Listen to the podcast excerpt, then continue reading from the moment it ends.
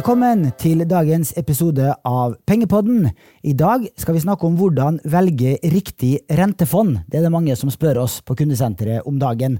Og denne episoden tas også opp som video, fordi vi skal vise en del slider underveis. Mitt navn er Bjørn Erik Settem, og med meg har jeg min gode kollega Stian Andersen. Velkommen. Takk, takk, Bjørn Erik. Du sparer investeringscoach her hos oss. Stemmer.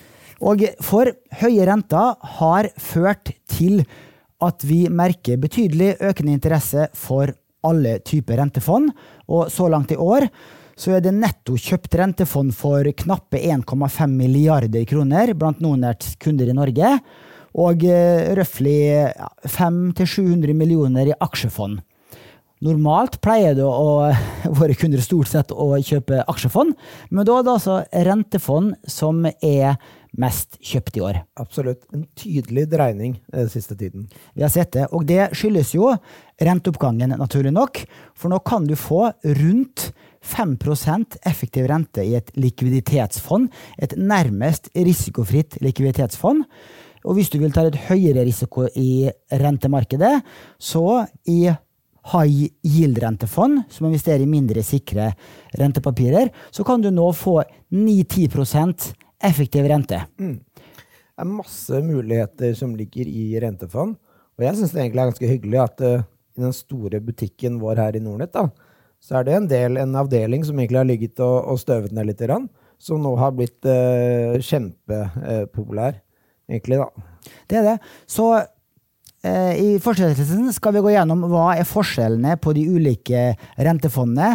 Hva har man fått i avkastning, hva kan man forvente å få i avkastning fremover. Og på slutten har vi også noen skattetips, for eh, selv om eh, rentefond normalt beskattes årlig, så har vi en kontotype på Nordnett hvor du får utsatt skatt også på renteinntekter fra rentefond. La oss starte enkelt. Forventa avkastning og risiko henger som regel sammen. Ikke alltid det heller. Eh, men denne grafen her, for dere som følger oss på video, den viser det at eh, der du har lavest eh, risiko, altså null risiko i praksis, og lavest forventa avkastning, det er jo på sparekonto i banken. Der kan du nå få 3-4% på flytende rente. Men i likviditetsfond, som jeg så vidt sa i starten her, så kan du nå få rundt 5 eh, effektiv rente. Den er riktignok ikke garantert, den renta, men det er veldig lav risiko. Mm. Det er lenge siden vi har sett rente på det nivået her. Det var langt, langt tilbake, og du sa også på bankkontoen. Du kan jo riktignok få enda høyere avkastning der også, men det krever da at du binder pengene en periode, eller har litt sånn Eh, begrensninger på uttak, eh, f.eks. Det er riktig. Og på likviditetsfond så er minsteinnskudd 100 kroner, og du kan ta ut penger når du vil. Og det tar et par dager fra du eh, trykker selg til du har pengene inn på kontoen. Også verdt å nevne at de som sitter med mange millioner kroner, om de har arva eller eh, fått mye penger på annet vis, så er det jo en grense eh, på to millioner kroner i en bankkonto for hva som er sikra av bankenes sikringsfond. Så hvis du mm. sitter med eh, 10-20-30 millioner, eh, så vil jeg påstå at det er pengene er tryggere i et likviditetsfond. Der er pengene dine. Uansett om forvalter går konk, så er det regler i eh, USITS-regelverket og verdipapirfondregelverket som gjør at eh, pengene er dine selv om forvalter skulle gå konk.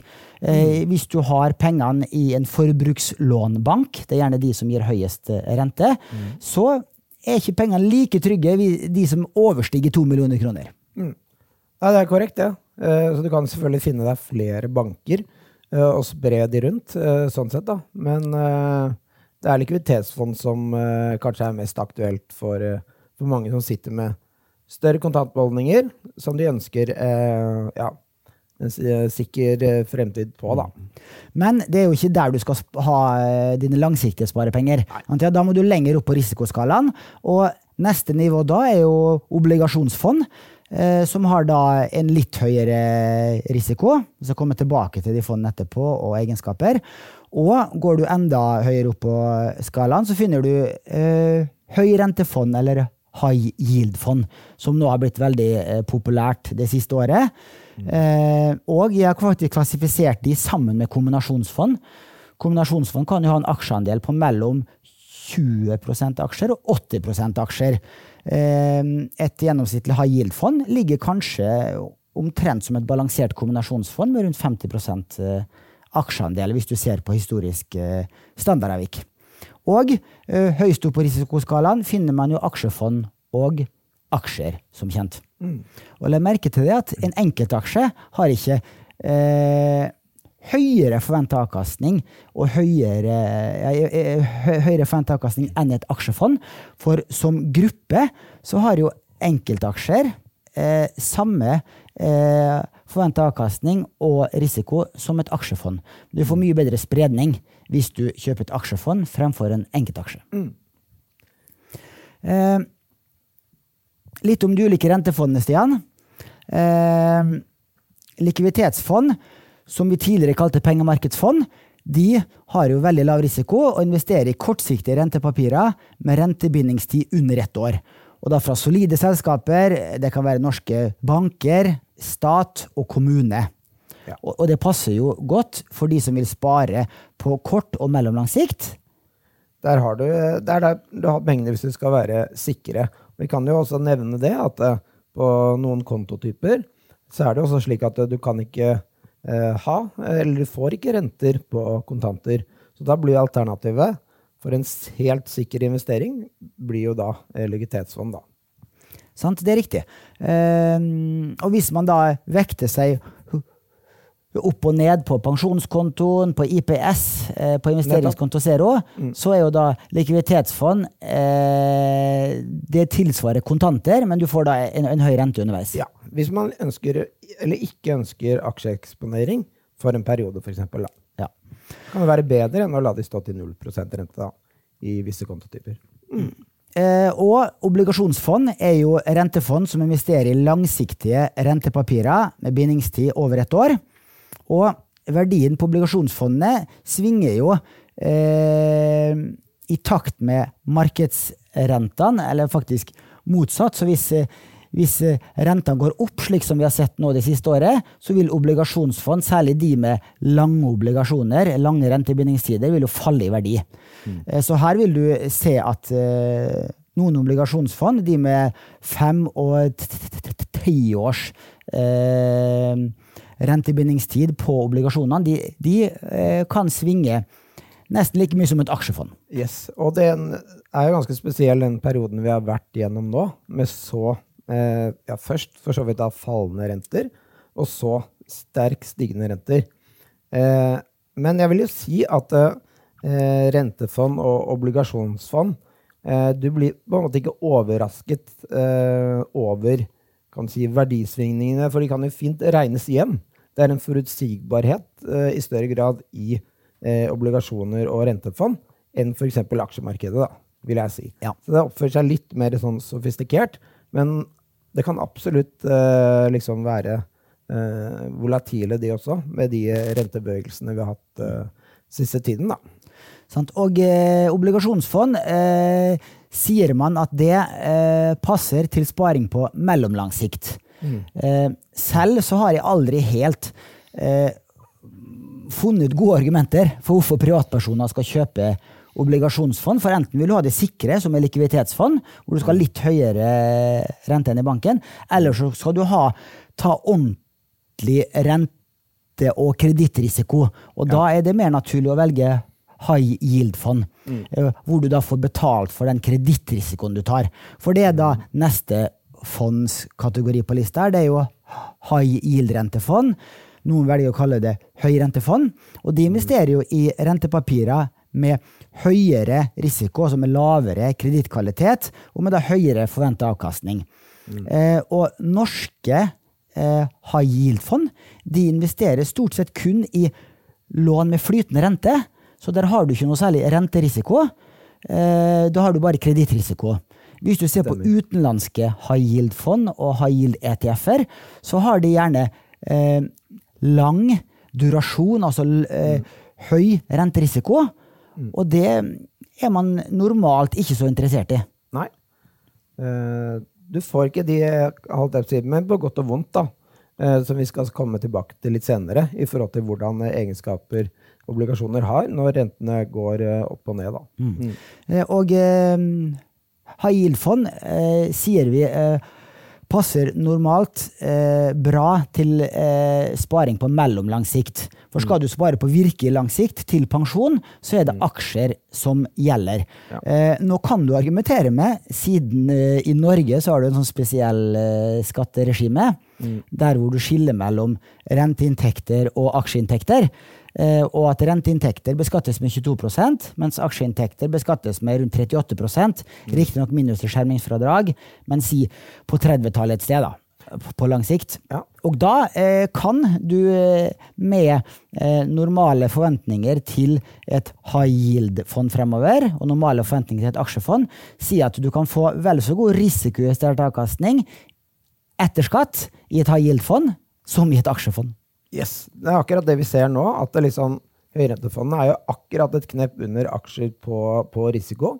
Men når du tar aksjemarkedet og forventet avkastning, så er høyrentefond eh, ser veldig bra ut. Spesielt da for privatpersoner og 22% skatt. Så det er det rasjonale i at eh, våre kunder eh, flytter litt over i eh, high yield eh, nå. da. Det er jo det. Sant? I øyeblikksbildet, vel å merke. da. Ja. Så det er, jo, det er jo risiko her også.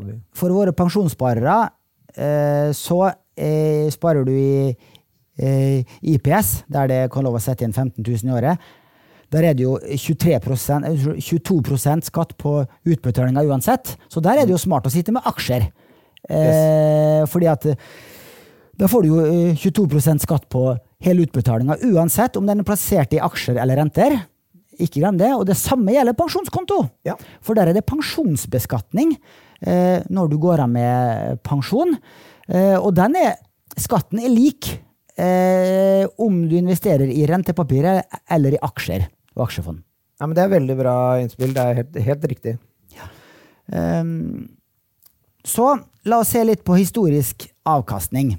Uh, denne grafen her har jeg lånt fra Holberg. Jeg hadde en interessant podkast med, med forvalteren i Holberg eh, sine rentefond her før jul. Gå tilbake i arkivet der og se den. Eh, og Der viste vi den grafen her. Og den viser da historisk avkastning siste 30 år på ulike aktivaklasser i det amerikanske markedet. Og lavest her er jo startsertifikater. Det er jo tilsvarende et, et likviditetsfond, eh, som har da i snitt gitt en årlig nominell avkastning på rundt 3% Altså litt over inflasjonen i perioden. Eh, neste linje her, for de som følger oss på video, er da statsobligasjonsrenta, som har gitt rundt 5% årlig gjennomsnittlig avkastning siden 1990. Eh, Så neste linje her er high yield-markedet, det amerikanske high yield-markedet, som i snitt har gitt 7,5 nominell avkastning, mens amerikanske aksjer eh, har gitt rundt 10% årlig gjennomsnittlig avkastning. Dette er akkurat som læreboka, Stian. Det er akkurat det, det skulle akkurat det var det som var innspillet. At den er veldig fin symmetri på den der, da. I forhold til, eh, til læreboka. Mm. Så her viser man det skal man spare på virkelig lang sikt, så er det aksjer som gjelder. Litt om risikofaktorene i rentefond. For at, eh, jeg vil nesten påstå at eh, rentefond er litt mer komplisert enn aksjefond. Eh, Ja, man skal jo liksom Eller man tenker da renter, lavere risiko og den biten der. Og man, man eh, setter kanskje litt sånn kunder med som er mer risikoaverse og ønsker trygg, mer trygghet inn i renter. Selv om det egentlig er hakket mer kompleks, hvis man virkelig skal forstå hvordan det, det rente man sitter i, fungerer. da. Sant? Altså Rente på bankkonto er jo ganske enkelt for de fleste. Men med en gang du går inn i, eh, i eh, likviditetsfond eller obligasjonsfond, spesielt high yield, så, så begynner det å bli eh, litt komplekst. Det gjør det. Gjør det. Syns det er veldig spennende, da. Det er det. det er, mm, ja. Sant? Eh, første risikoen i et rentefond er jo renterisiko. Eh, den måles med rentedurasjon, eller rentefølsomhet. Altså hvor følsom er eh, obligasjon eller eh, rentefondet for endringer i markedsrenten. Og som vi er inne på, likviditetsfond er jo da veldig lav renterisiko, for de investerer i flytende lån. Eh, hypisk eh, eh tremåneders eh, hengemarkedsrente, og så får du et lite eh, påslag for den kredittrisikoen du får ved å låne ut til DNB eller til Oslo kommune Ja. osv. Eh, men kjøpe et obligasjonsfond med lang, eh, lang durasjon, så vil du se at det kan svinge ganske mye. Og der har du en høy renterisiko. Ja, da går liksom den symmetrien mellom liksom, eh, markedsrentene, eller, eller boliglånsrentene og den biten, forsvinner plutselig når du har, går inn på obligasjoner. eh, Akkurat som et fastrentelån på boliglånet ditt òg. Akkurat. Ja, Det er god, god sammenligning for eh, folk flest, tror jeg, det med, med boliglån. Og for å forklare liksom hvordan eh, Ja. Inngår det en eh, fastrentelån på en eh, veldig god tid, eller godt tidspunkt, så ser det veldig bra ut i ettertid. Og motsatt, da. Inngår det en fastrente på boliglånet eh, som kan virke fornuftig der og da, men som plutselig kan se veldig dårlig ut uh, i, i ettertid. Da. Og sånn er det jo egentlig litt med obligasjoner også. At det henger litt, grann, eller det henger ikke bare litt, grann, det henger helt sammen. Da. Ja, og en uh, tommelfingerregel er at hvis uh, renten går opp med ett prosentpoeng, og hvis du sitter med et obligasjonsfond med fem års rentebindingstid, det er fem års durasjon, ja, da eh, faller obligasjonsfondet ditt med 5% i verdi. Eh, fordi at det er jo da eh, fem år du må sitte med det obligasjonslånet her, som plutselig gir en skuffende lav rente når rentenivået eh, har steget i samfunnet. Ja. Kan du ta et eksempel? Hvis jeg liksom, Bjørn Erik, hadde lånt deg en tusenlapp for halvannet år siden til 2% som jeg syns egentlig var helt ok, mm. med sikkerheten tatt i betraktning og sånn, eh, så eh, virka det en bra deal da. Men så er en avtale med deg at den skal jeg få tilbake om fem år. Men bare nå, ett og et halvt år etterpå, så bare å shit, det var jo verdens dårligste deal. Jeg vil ha tilbake de pengene. Sant? ja, for nå kan du plassere til 5% Nå kan jeg ta den tusenlappen, jeg vil ha den i dag. Eh, men da vil jeg ikke få tilbake da, eh, 1000 kroner, ikke sant? For at det eh, Jeg vil jo få den tilbake av deg om fem år, men jeg vil ha den nå. Ja, Og da vil jeg tape penger, hvis jeg går ut av den avtalen vår, da. Du får selge fordringa til Mats eller Røder for, og for mindre enn 1000 kroner. Sant? jeg? Da ser du problemet. det er selvfølgelig mulig. Eh, risikofaktor nummer to er kredittrisiko. Eh, og det er jo risikoen forbundet, forbundet med at utsteder ikke overholder sine låneforpliktelser. Det er jo eh, typisk aktuelt i et high yield-fond, eh, som låner ut til Norwegian og Flyr og Prosafe og litt sånne eh, selskaper med lavere kredittverdighet som går konkurs innimellom. Og da Ja. misligholder de lånet, og da får ikke eh, obligasjonseierne tilbake alle pengene. Nei.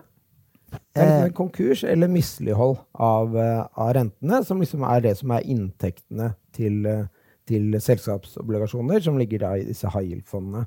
Ja. Um, også grunnen til at eh, de gir så god avkastningen, er jo rett og slett det at eh, bedrifter i dag eh, må betale veldig høye renter for lån, rett og slett. Det vil ikke være så veldig dårlige bedrifter heller, men det, det må betale høye renter. Ja. For 10-12 for mange børsnoterte selskap. Sant.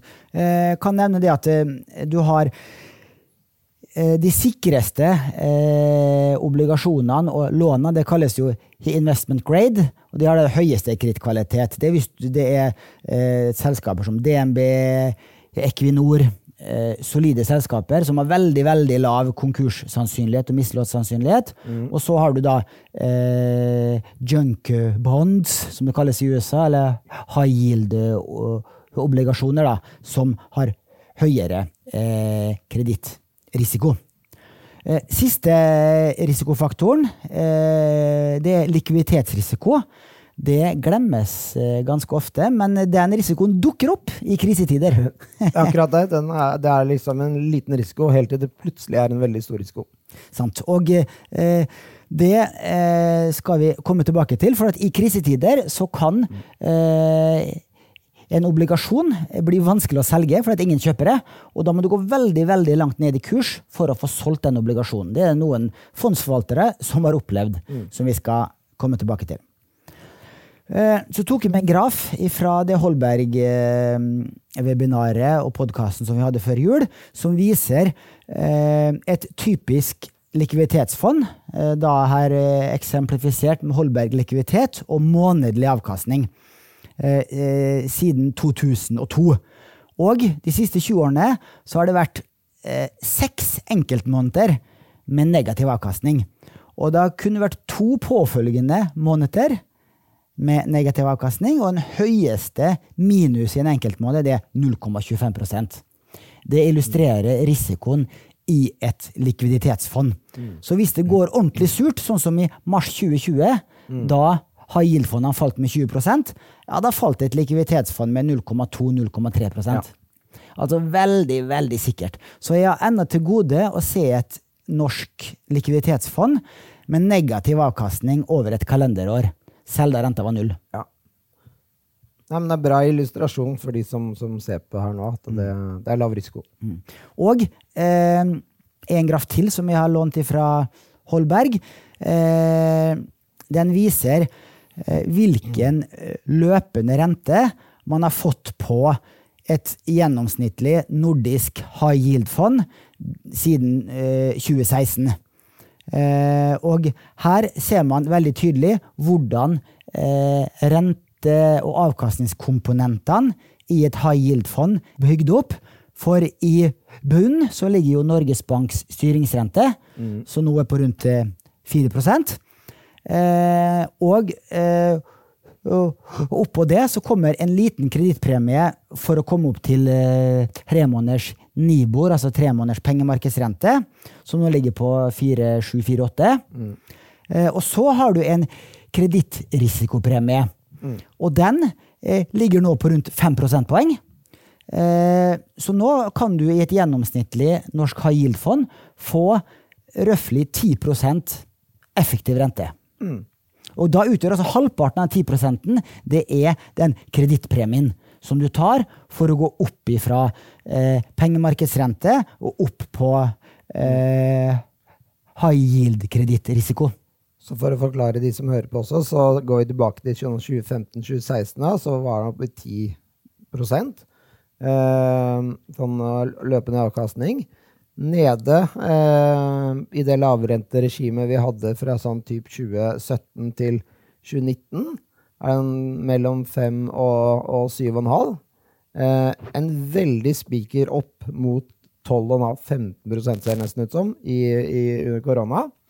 Eh, før den gikk ned igjen, og nå er den da på rundt 10% igjen. Eh, på løpende avkastning, da. Men eh, løpende avkastning er ikke det samme som eh, det du får. Nei. Den, Ikke nødvendigvis det samme som forventet avkastning, selv om det egentlig er det hvis kan du si, verden ser helt lik ut eh, i dag, som hvis vi hadde sittet der et år etterpå. Og, ja, for eh, som, eh, som eh, noen av lytterne og seerne vil huske, i mars 2020 eh, så falt jo norske og nordiske high yield-fond med eh, 20-25% på eh, fire-fem uker. Eh, og i den grafen her, da, eh, så eh, vises det at kredittrisikopremien skjøt i været. Sant, ja, fra rundt 7% opp til 12% en kort periode. Men det medførte jo faktisk et veldig stort tap for de som satt i disse high yield-fondene. Og så tok det fra eh, fire til tolv måneder før disse high yield-fondene kom opp på de gamle toppnivåene, som det var eh, i februar 2020. Så eh, hvis du hadde sittet i seks til tolv måneder og ikke solgt på det verste tenkelige tidspunktet i slutten av mars 2020 og april, så hadde du fått tilbake pengene dine. Det Men hvis du, hvis du hadde fått så kalde føtter at du hadde realisert tapet, ja, da hadde du kommet ut med 20 minus hvis du hadde kjøpt da Ja. en måned tidligere. sånn sett litt uh, likt som aksjemarkedet, da. Uh, I perioden. Ja, aksjemarkedet tok det kom veldig dårlig ut hvis du, hvis du solgte uh, når det så ut som verden skulle gå under da også. Mm. Sånn, det tok kanskje 6-12 måneder før, eh, før de fleste aksjemarkedene var så oppe på de samme gamle nivåene. Ja. Kanskje litt lengre tid noen steder. Så skal vi se litt på pengemarkedsfondene vi har på Nordnett-plattformen. Eh, der kan du jo gå inn på den fondsscreeneren vår, og så kan du velge rentefond. Eh, og så hvis du velger Norden eh, som eh, investeringsunivers, og på kategori så velger du obligasjon eh, kort. Eh, og risiko lav, for at penge, disse likviditetsfondene Nå står det pengemarkedsfond, men det skal stå likviditetsfond. Mm. Eh, de har jo lav risiko, og da ender du opp med 13 fond. Det er de 13 fondene som vi har vist her. Ja. Og så er det jo, når du skal velge denne type fond, så er det jo stort sett, eller det er vel alltid norske kroner du ønsker å ha eksponering mot, og ikke blande inn noe valutarisiko der, da. Det er riktig. Eh, men jeg så at søkefunksjonen er vel kanskje ikke på Norge, den var Nei, på Norden. Den er på Norden. Sånn der skal man bare være litt observant, da. Ja. Mm. Og da får du med de to fondene på toppen her, Simplicity likviditet og Carnegie likviditetsfond, som da ligger i avkastningstoppen.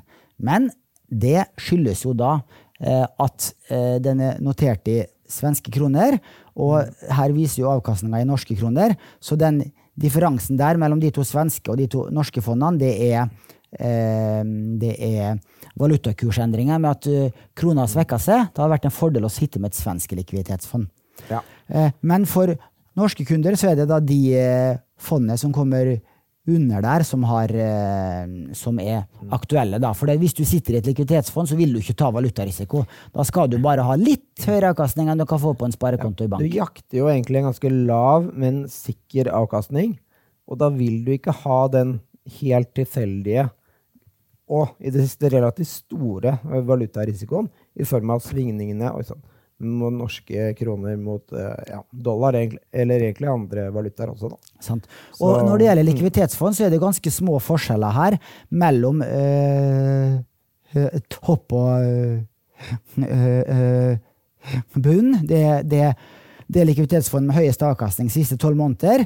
Det ligger på 4,7 ca og det laveste ligger på 2,8. Og så kan man diskutere om Storbrann uh, kort uh, kreditt, investment grade og KLP kort stat er et likviditetsfond. Det har nok litt lengre rentebindingstid enn de som kaller seg likviditet, slik som uh, Alfred Bell likviditet, DNB likviditet og Holberg, KLP, Odin.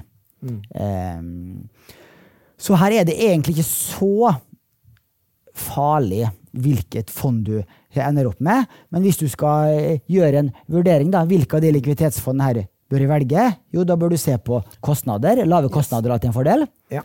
Eh, du bør se på historisk avkastning. Mm. Du bør se på svingninger og risiko. Mm. Og det ser du på den risikoskalaen vi har, med én eh, og to. Da ser du at likviditetsfondene har typisk risikonivå én. Eh, og det er alltid en fordel å ha lavest mulig risiko. Eh, og du kan også se på porteføljesammensetninga og antall posisjoner. Mm. Det, eh, da må du inn på Morningstar for å se hvor mange rentepapirer som ligger i det enkelte fondet. Mm. Og da er det som regel en fordel med eh, mange papirer, for da har du enda bedre diversifisering.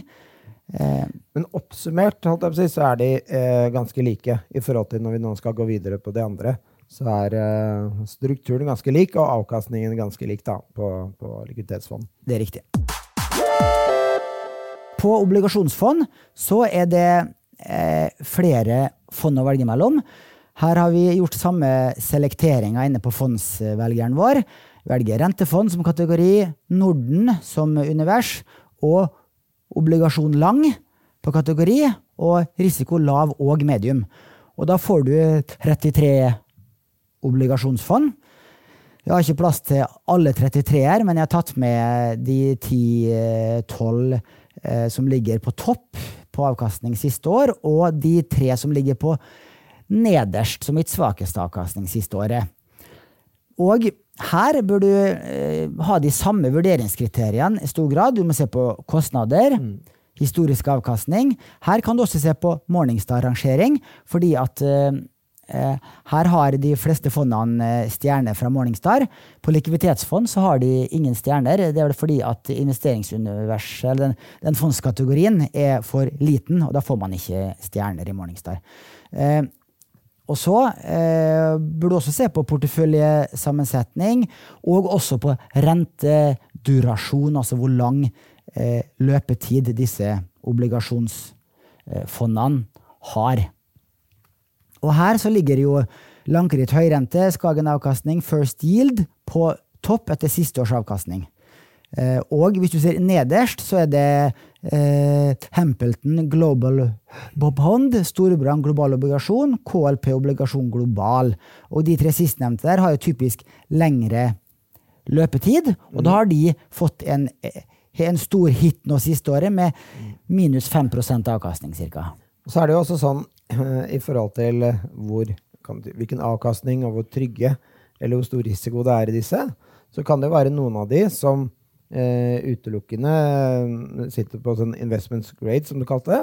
Men det kan også være innslag av high yield i disse, som da vil eh, løfte eh, forventet avkastning litt, grann, da, som også kan eh, eh, gjøre at avkastningen er litt sånn forskjellig. At det er også litt forskjellig risiko i de i forhold til innholdet i de også, da. Ja.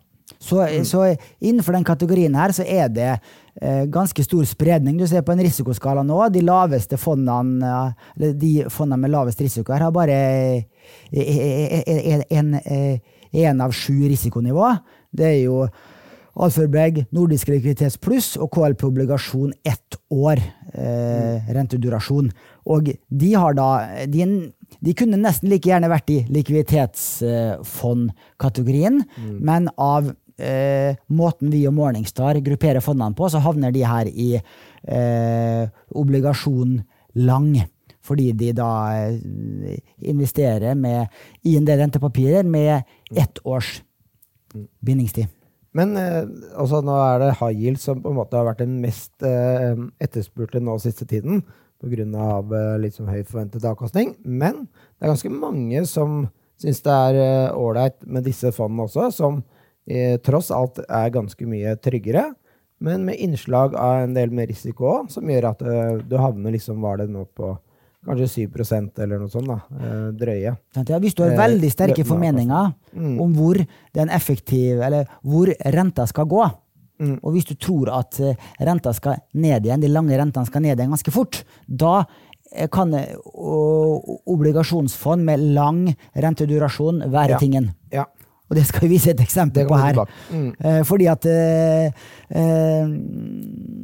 denne foilen her, da, for de som følger oss på video, den viser at uh, vi har en uh, rente-ETF som heter iShares uh, Treasury Bond 20 years pluss US ETF. Eller USITS ETF. Og den investerer da i amerikanske statsobligasjoner med 20 års rentebindingstid eller mer, altså 30 års rentebinding har det i USA på statsobligasjoner. Og hva har skjedd med den når renten har gått opp sten? Ja, det, Den har jo svingt ganske mye. Det er jo i utgangspunktet en ganske kjedelig investering. ikke sant? Du låner pengene dine til amerikansk stat med 20 år eh, fram i tid. Eh, men så blir den så eh, hardt påvirket av eh, markedsrentene og du blir eh, da veldig eh, premiert når eh, rentene har falt og falt og falt. Fordi da har du inngått gode dealer da tilbake i tid, som bare blir bedre og bedre. Men nå, siden da, for de som ser grafen fra ca. 2021, hvor rentene har tikka opp og opp og opp, og opp, så har du egentlig skulle ønske at du ikke lånte ut de pengene hele veien oppover, fordi det, det var jo en dårlig deal. Dårlig deal, dårlig deal. Og nå, eh, ja. Mm. Så da, den, eh, da faller jo da eh, kursen på, på denne ja. Så her har du faktisk en mm. renteplassering som har aksjelignende risiko. Mm. For at hvis du ser på standardavviket, hvis du klikker deg inn på detaljer, den flinke som heter detaljer på denne rente-ETF-en her, så ser du standardavviket siste år, siste tre år og siste fem år. Og det ligger på mellom 12 og 15 mm. Og et globalt aksjeindeksfond har som regel 15 eh, standardavvik på lang sikt. Eh, og, og, og, og, hvis du var minst Hvis du gikk inn på det minst gunstige tidspunktet, da langrentene begynte å stige i eh, slutten av 2020, da lå jo 20 års amerikansk stat på 1 og så noen jobber 4 mm. Da har du faktisk tapt mer enn 50 mm. på i denne rente-ETF-en her, så er det faktisk en rente-ETF som har falt med 50 mm. Men hvis du nå tror at eh, lange amerikanske statsrenter skal ned, skal ned mm. eh, mye, og så eh, skal ned fra nå dagens nivå på rundt 4,5 til 3,5, da, ja, da får, du få, da får du ca. 20% avkastning, fordi at du sitter jo med rentebindingstid på 20 år her. Og hvis 1 prosentpoeng ned, det er ganger med 20. Mm. Da kan du forvente 20% avkastning på denne her. Absolutt. Så du har litt sånn den eh, karakteren i den ETF-en der, eh, hvor man da kan spekulere litt da i eh, ja, hvordan rentene vil gå framover. Eh, men så man må skyte inn da, når man går over på de ETF-ene som stort sett da er eh, Eller rente-ETF-universet på Nordnett så er det vel stort sett bare utenlandsnoterte. Da kommer jo valutaeffekten i tillegg. Eh, jeg satt jo eh, med den her i høst, en liten periode. Og bare på noen måneder så gikk den da 20 eller noe sånt opp i verdi. Og jeg bare yes, I alle dager, det var jeg i utgangspunktet verdens kjedeligste, litt sånn trygge investering. Men så gikk jo dollaren til himmels, i tillegg til at rentemarkedet en kort periode knakk ganske eh, Da var du heldig, for du ser den grafen. Den går stort sett nedover. Nå, er de, eh, den, nå steg jo eh, de, den rett opp igjen. Så nå er det sånn 5 avkastning eller noe sånt igjen. Men kan, et halvt år etter det igjen. Så nevne, den svinger overraskende mye, da. Så får du valutarisikoen på toppen der. Du gjør det. Eh, og forrige måned så, så svekka jo krona seg med 5 og da mm. får du den 5 den får du rett inn her. Ja. Eh, jeg kan nevne det at jeg hadde jo hatt besøk av, eh, av Heater Warren et par ganger i Pengepodden. Og han eh, har flere ganger foreslått denne ETF-en her, som eh, også finnes i amerikansk variant, som heter eh, HLT, som en bra hedge i en diversifisert portefølje, for den her har som regel negativ korrelasjon med aksjemarkedet. Mm. For hvis aksjemarkedet tryner, så, så, gjør den det typisk fordi at verdensøkonomien går dårlig, og vi går inn i en resesjon. Og mm. da setter jo ofte eh, sentralbankene ned renta. Da faller også de lange rentene. Inflasjonsforventningene faller. Mm. Og da skyter verdien av denne 20-årige rente-ETF-en her i været. Mm. Um, så denne ETF-en her er Peter Warren veldig glad i. Så over til det som nok eh, de fleste lytterne våre er mest interessert i å høre om nemlig high yield-fond. Og Nordnetts utvalg av yield-fond det er ganske så bra. Hvis du går inn på den eh, fondsscreeneren vår og velger rentefond, Norden som investeringsunivers, og selskapsobligasjoner og risiko, der er det både lav og medium som er relevant der, da får du 21 fond. Og det er den lista vi viser her. Og eh, her eh, Der kan det variere mye, da, eh, i forhold til de to andre kategoriene. I forhold til innholdet i, eh, i disse høyrettefondene også. Ja, den varierer. Ja, hvis du ser på risikoskalaen, så går den fra eh, to og til fire. Mm. Eh, og avkastninga siste tolv måneder Det beste fondet har gitt 12% Det svakeste fondet har gitt eh, knappe 6 mm. Det er også interessant å se på femårsanalysert avkastning, tiårsanalysert avkastning. Sant, ja? disse avkastningstallene her, de siste fem år, så er det beste fondet er på rundt 8% avkastning. Det svakeste er på rundt 2% analysert avkastning. Mm. Det er ikke aksjeavkastninger. Har du sittet med et globalt indeksfond, så har du fått rundt 15% analysert avkastning. Mm. Nå skal det jo sies at det er ikke nødvendigvis eh, det du har fått de siste fem årene, som du kan forvente de neste fem. Eh, du kan nok forvente eh, vel så god avkastning de neste fem som du har fått, siden rentenivået nå ligger mye høyere enn det har vært de, de fem foregående årene. Eh, men hvordan skal du da velge mellom disse 21 eh, high yield-fondene her? Jo, eh, du må jo da se på mye av de samme kriteriene Ja. som eh, vi snakka om i sted.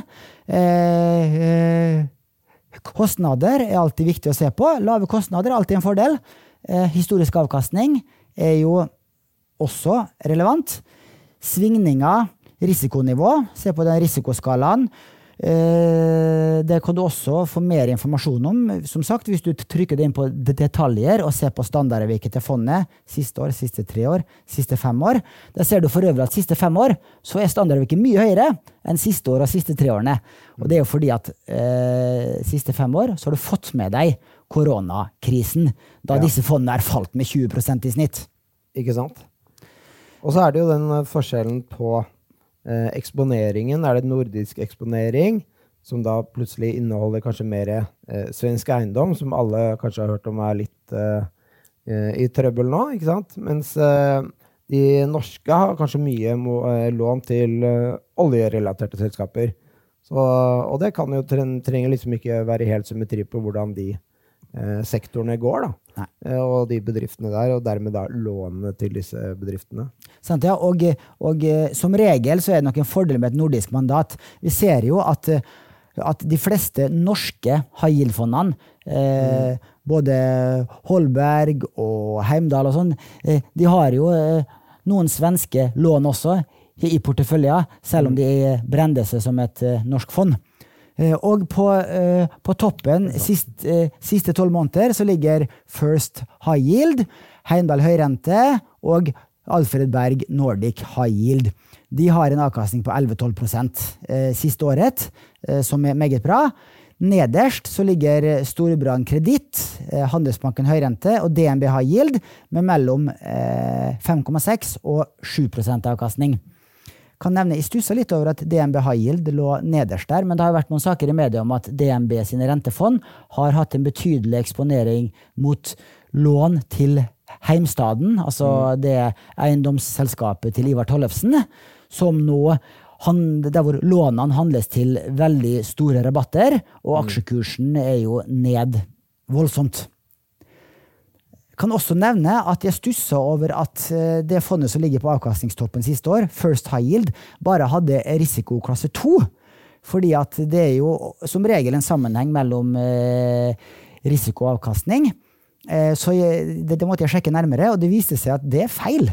Hvis du går inn på nøkkelinformasjonsdokumentet på Nordnett og på Morningstar, så har First High Yield risikoklasse 5. Nei, det dukker jo opp noen tilfeller. Så det har jeg faktisk- meldt ifra til mine svenske ja, kolleger her. Det er bra. Men i all hovedsak så skal man jo kunne stole på uh, stjernene og de prikkene og avkastningen av det som står, selvfølgelig. Sant, ja. Det er bra du fanget opp. Man skal det. Og eh, her har også Morningstar gitt en rangering. Den kan man også ta en titt på.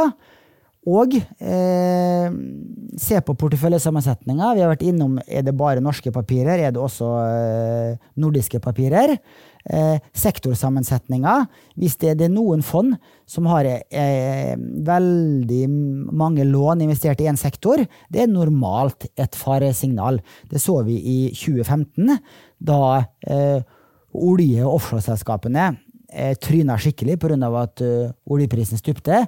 De eh, high yield-fondene som var veldig eh, sektortunge innenfor olje og energi, de falt mye mer enn de andre high yield-fondene som hadde mindre eksponering mot den sektoren. Ja. For der var det mange selskaper i trøbbel, i større trøbbel enn eh, andre sektorer.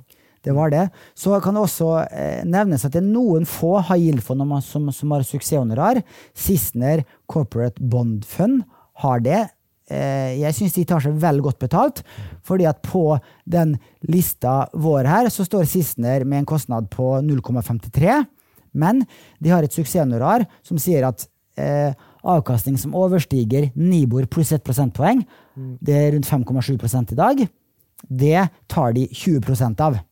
Så det siste året nå så har Sisseners Corporate Bond gitt 9% avkastning. Ja, da har, det, da har du cirka da er det, si, det er i hvert fall 4, fra- 4 som da beregner 20% suksesshonorarer. Det er 0,8% i tillegg. Og da har du en totalkostnad på, på 1,3% som blir da Norges dyreste high yield-fond. Ja. Men uh, Så Philip Sissener, Philip og uh, Jan Petter, dere tar dere litt for godt betalt. Jeg har sagt det til dere før. Var det ikke et eller annet sånn om at uh, du ja, kunne ikke få Mercedes og betale for Skoda? Ja, han påstod det. Nå har Skoda blitt en bra bil, også, så jeg kjøper ikke argumenter lenger. Så kan vi også se et eksempel på hvordan du kan gå litt dypere ned i den uh, vurderinga og eh, sammenligninga mellom ulike high yield-fond. Jeg liker å se på maks eh, drawdown, både på aksjefond og på rentefond. Og hvis man abonnerer, hvis man er en profesjonell fondsselektør, og i Nordnett så har vi også abonnement på Morningstar Direct, som for øvrig koster 100 000 kroner i året. Eh, som, da kan du få detaljerte analyser på maks eh, drawdown, altså hvor mye har eh, dette fondet falt med i verste tenkelige tidspunkt. Og det eh, ser man på den grafen her, for de som følger oss på video. Det var jo sist nå i mars 2020.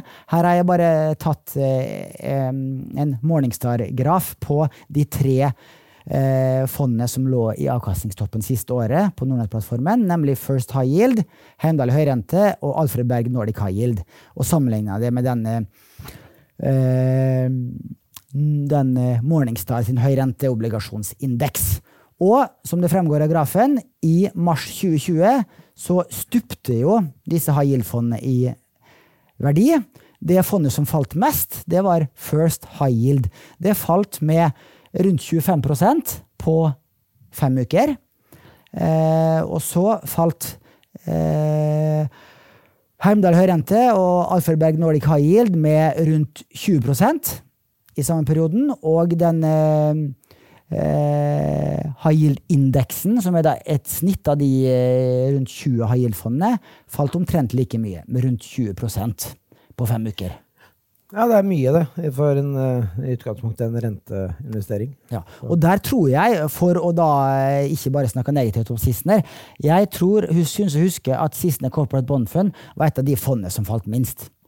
Eh, og det tyder jo på at eh, det er litt høyere kvalitet i lånepapirene ja. til de fondene som, som faller minst i den perioden her. Så det er litt Mercedes. Kanskje litt Mercedes likevel. Eh, og eh, som jeg sa også, gå inn og se på Morningstar på innhold i de ulike fondene. For eksempel så ser man at eh, et fond som Heimdal Høyrente har eh, i øyeblikket 63 forskjellige obligasjonslån. De har to aksjebeholdninger også. De sitter vel med aksjer i dette offshoreselskapet. Ja, Doff. I Doff, ja. Eh, det kan vi snakke om senere, om det er en fordel og ulempe. Eh, First eh, High Yield sitter med 77 obligasjonslån og med hele fem aksjebeholdninger. Og se også på konsentrasjonen. For eksempel Heimdal Høyrente. De topp ti-posisjonene utgjør 34% av eh, total forvaltningskapital. Det er ganske høy konsentrasjon. First High Yield er på 27% Det er også ganske høyt. Jeg så på et fond som eh, Arctic Nordic Corporate Bond, som da har, ligger litt lavere i risiko. De har bare risikonivå 2. Eh, de har 22% investert i de topp 10-posisjonene. Det sier også litt om eh, risiko og fallhøyde i disse high yield-fondene. Ja, absolutt. Og eh, det siste poenget mitt er eh, hvor lang tid det tar for at fondet kommer opp på gamle toppnivå etter en sånn en, en, en skikkelig eh, eh, krakk som det her.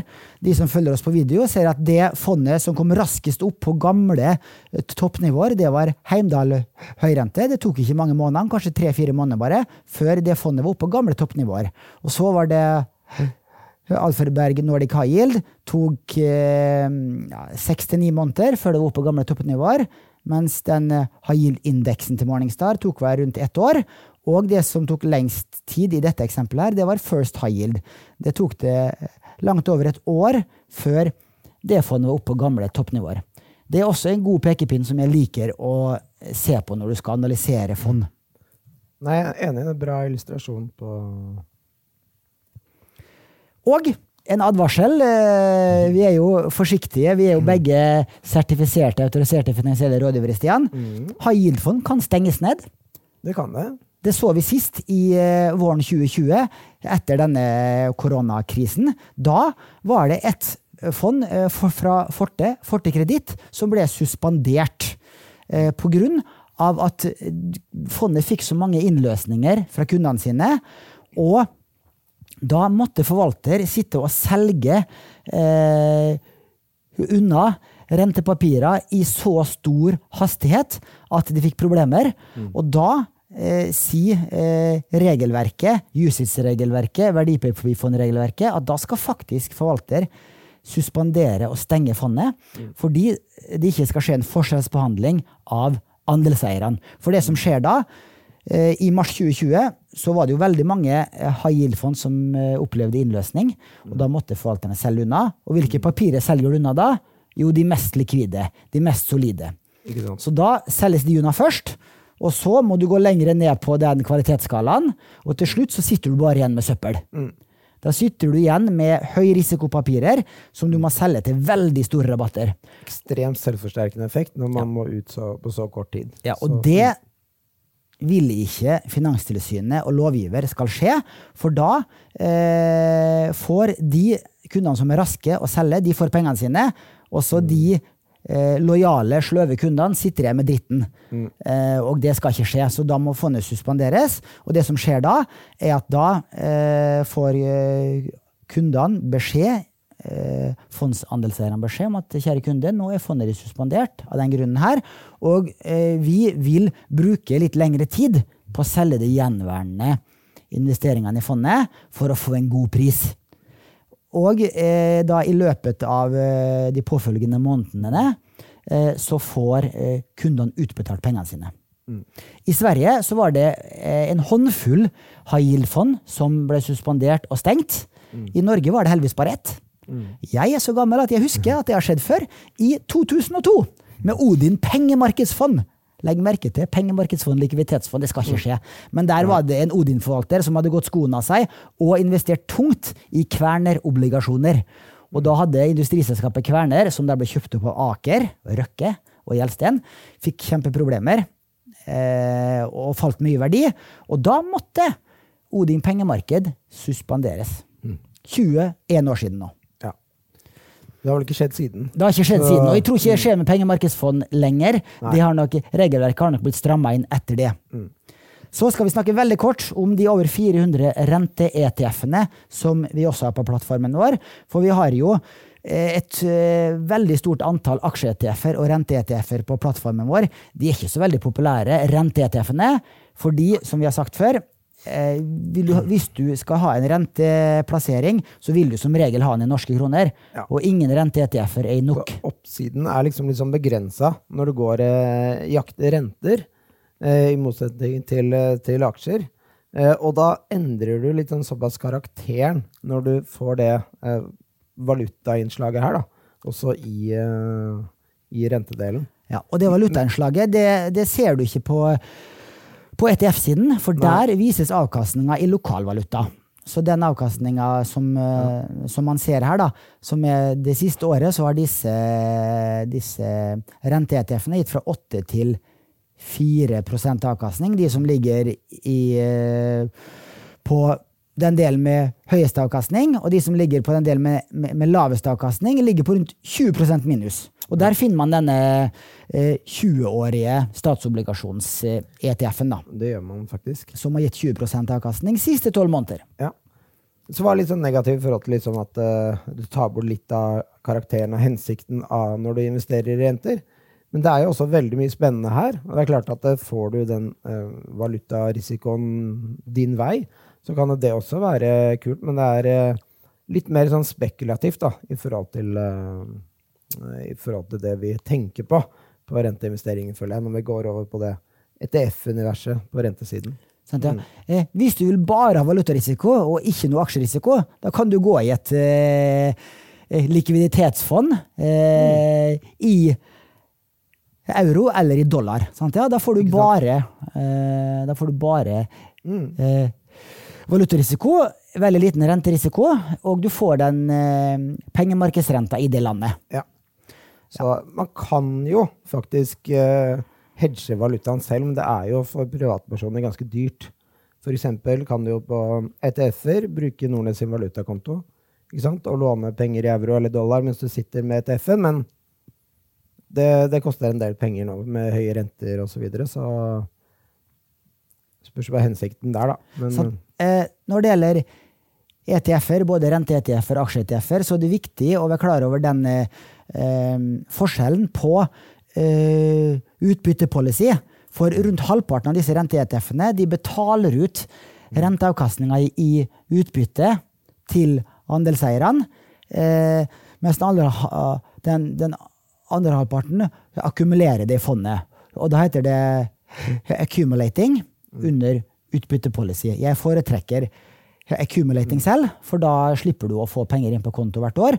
Og faktisk, eh, i de amerikansknoterte rente-ETF-ene, så beregnes det faktisk kildeskatt. Der sa jeg feil på den eh, Q&A-podkasten vi hadde for to uker siden. For på den amerikansknoterte rente-ETF-er, der trekkes det kildeskatt. Men ikke på USITs europeiske rente-ETF-er. Så da har jeg retta opp i den feilen nå. Eh, Da skal vi snart gå inn for landing. Så jeg lover dere en liten sånn skattehips til slutt. For og, tips og triks. Tips og triks, helt lovlig. For det er jo slik at norskregistrerte rentefond de plikter å betale ut renteinntektene årlig til andelseierne. Og hvis du, har, hvis du eier et rentefond på en aksje- og fondskonto, så må jo du skatte årlig av disse renteinntektene. Det må man, ja. Eh, men hvis du kjøper rentefond på investeringskonto, så får du utsatt skatt på disse renteinntektene. Og det gjelder også for high yield-rentefond. Så da kan du sitte og eh, akkumulere opp renteavkastning renteavkastning på en investeringskonto i fem og ti år uten å skatte løpende. Ja, det er ganske unikt, det. Og det får du ikke mange andre steder.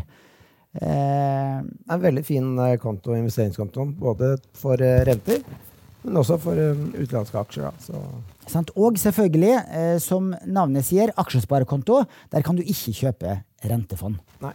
Eh, og så et tips til eh, de som har investeringsselskaper. Det er jo en del av våre kunder som har det. Eh, anslagsvis eh, er 5000 eller 15 000. Husker ikke. Ja, det er mer enn det også nå. Ja. Ja. Eh, der blir jo eh, renteinntekter dobbeltbeskatta i investeringsselskaper. Eh, fordi renteinntekter eh, og bankinnskudd ikke omfattes av fritaksmetoden. Så strengt tatt så burde du ikke ha mye renteplasseringer i et investeringsselskap. Det har man bare, bare for kortere perioder. Eh, fordi du må betale skatt av renteinntektene årlig.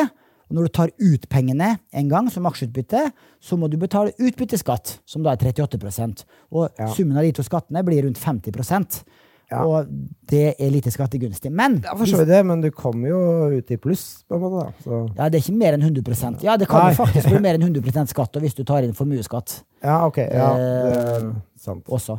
Eh, Ja. Men poenget mitt er at hvis du vil ha rentefond i investeringsselskapet ditt, eh, og sitte med det over flere år, da bør du vurdere å kjøpe et utenlandsregistrert rentefond eh, som, som er registrert og notert i Sverige eller i Luxembourg eller lignende. Jeg vet at uh, Arctic eksempel, har flere rentefond notert i Sverige. Sissener sitt Corporate Bond Fund igjen er, Luxem, er notert i Luxembourg. Da får du De slipper å, å dele ut renteinntektene hvert år. Og da slipper også investeringsselskapet, aksjeselskapet, å skatte av det hvert år. Så får du i hvert fall utsatt skatt på de rentene, men du må betale både 22% skatt når fondet selges en gang, og utbytteskatt når det tas ut. Så er det sagt for våre formuende kunder som sliter veldig om dagen og må flytte til Sveits, Ja, nei, det er ikke bare bare. Altså. Så er- er dette et helt eh, lovlig- Ikke, ikke er i den eh, posisjonen. en helt lovlig skatte, skattetilpasning. Så med det så håper jeg at dere blir litt klokere på rentefond, og hvordan man skal velge mellom ulike rentefond og risikonivå. Så da håper jeg at eh, dere ble litt klokere, og tusen takk for alle som eh, hørte og så på i dag. Takk til deg, Stian. Ja, hyggelig.